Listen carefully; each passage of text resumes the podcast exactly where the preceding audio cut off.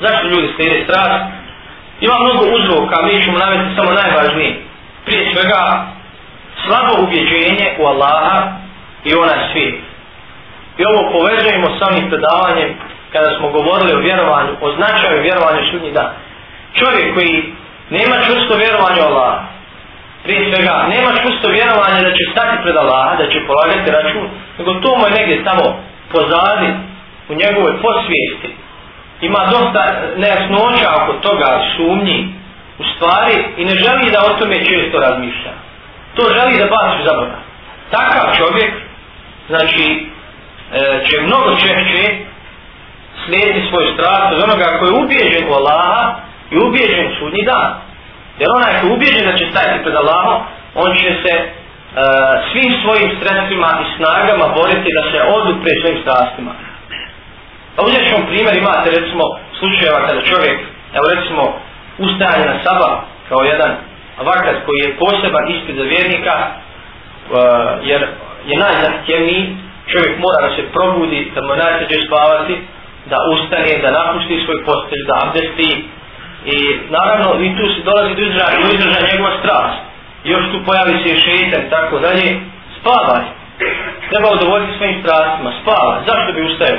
E sad tu čovjek treba da nađe dovoljno motiva, dovoljno motiva koji će mu dati snage da ustane na sabr. Posebno recimo, posebno recimo u tim e, danima kada su kratke noći ili u, kada su e, hladna jutra, a nema grijanja, hladna voda i tako dalje, čovjeku u istinu treba motiva da ustane. A motiv je samo, znači prije svega strah od, od onog svijeta ustavljanja pred Allahom gdje će odgovarati za svaki svoj pojedinačni namaz i želja da se znači da zasluže Allahu milost i oprost. Znači onaj ko čusto vjeru Allaha da će stati pred njega i polagati detalja račun neće dozvoliti da njime upravlja stav. Neće dozvoliti. On će se boriti grčevito. Imate slučaj da smo kroz razgovor sa ljudima nekad kaže nekada se bori toliko sa, sa svojim strastima i sa šeitanjima, nagovaranjima, da u istinu izgleda kao neka bitka, da hoće li se hoće ustati na sabarini, ili recimo pitanje nekih drugih ibadeta, pitanje greha, pitanje greha. Posebno danas greši koji su izazovni, posebno su oni greši koji su vezani za a, egzistenciju, za novac. najviše je to ljude, najviše ljude to jel, zavodi. Jer poslanik Ali Svala Tosalam je nagovjetio da znači, će jedna od najveći, jedan od najvećih izazova nakon njega biti meta za ljude. Meta. Ljudi zbog imetka, znači, prekuše mnoge svoje principe, principe vjere i odaju se greške.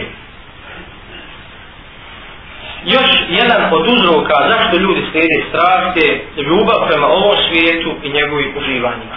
Mi smo rekli da je strast e, prirodna stvar kod čovjeka, međutim ona je ograničena ona je određena e, određenim znači granicama, prije svega šerijetom uzvišen Allah nam je dozvolio da od određene mjere udovoljavamo svojim strastima, strastima. Međutim, ne smije se prijeći granica.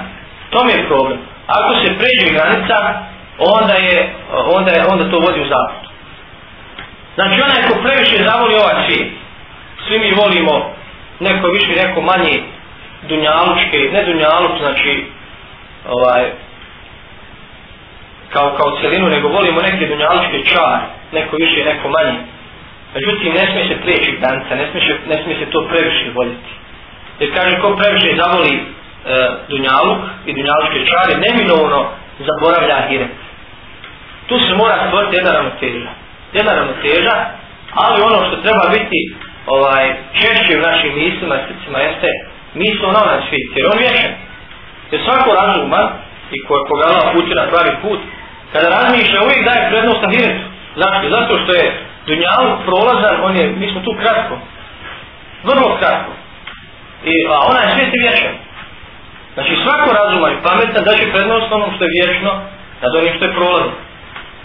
Kaže, ako nastavi čovjek udovoljavati svemu što mu ljubav prema ovom svijetu nalaži, pa makar bilo u suprotnosti sa Allahom zakonom, znači to će ga neminovno odvesti u zapad to će ga neminovno odvesti u zabludu, a kaže uzvišeni Allah, إن الذين لا يرجون لقاءنا ورضوا بالحياة الدنيا واطمأنوا بها والذين هم عن آياتنا غافلون أولئك مأواهم النار بما كانوا يكسبون Kaže onima koji ne očekuju, odnosno sumnjaju da će pred gospodara svoga stati i koji su zadovoljni, odnosno smireni u životu na ovom svijetu, nalaze smiraj, kaže koji su na njemu smireni oni koji su prema dokazima našim nemarni.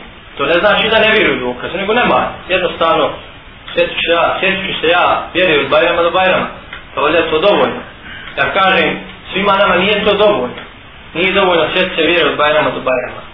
Jer naš gospodar, svevišnji stvoritelj koji nas je stvorio, koji nam je sve blagodati dao, zaslužuje, zaslužuje da ga stalno, da ga se stalno prisjećamo, i da ga stalno obožavamo svaki dan, nešto ali svaku trenutku, to je nemoguće. Čovjek se, čovjek ne može da misli non stop na ahiret, na ovaj svijet, ali da naša preokupacija bude ahiret na svijet.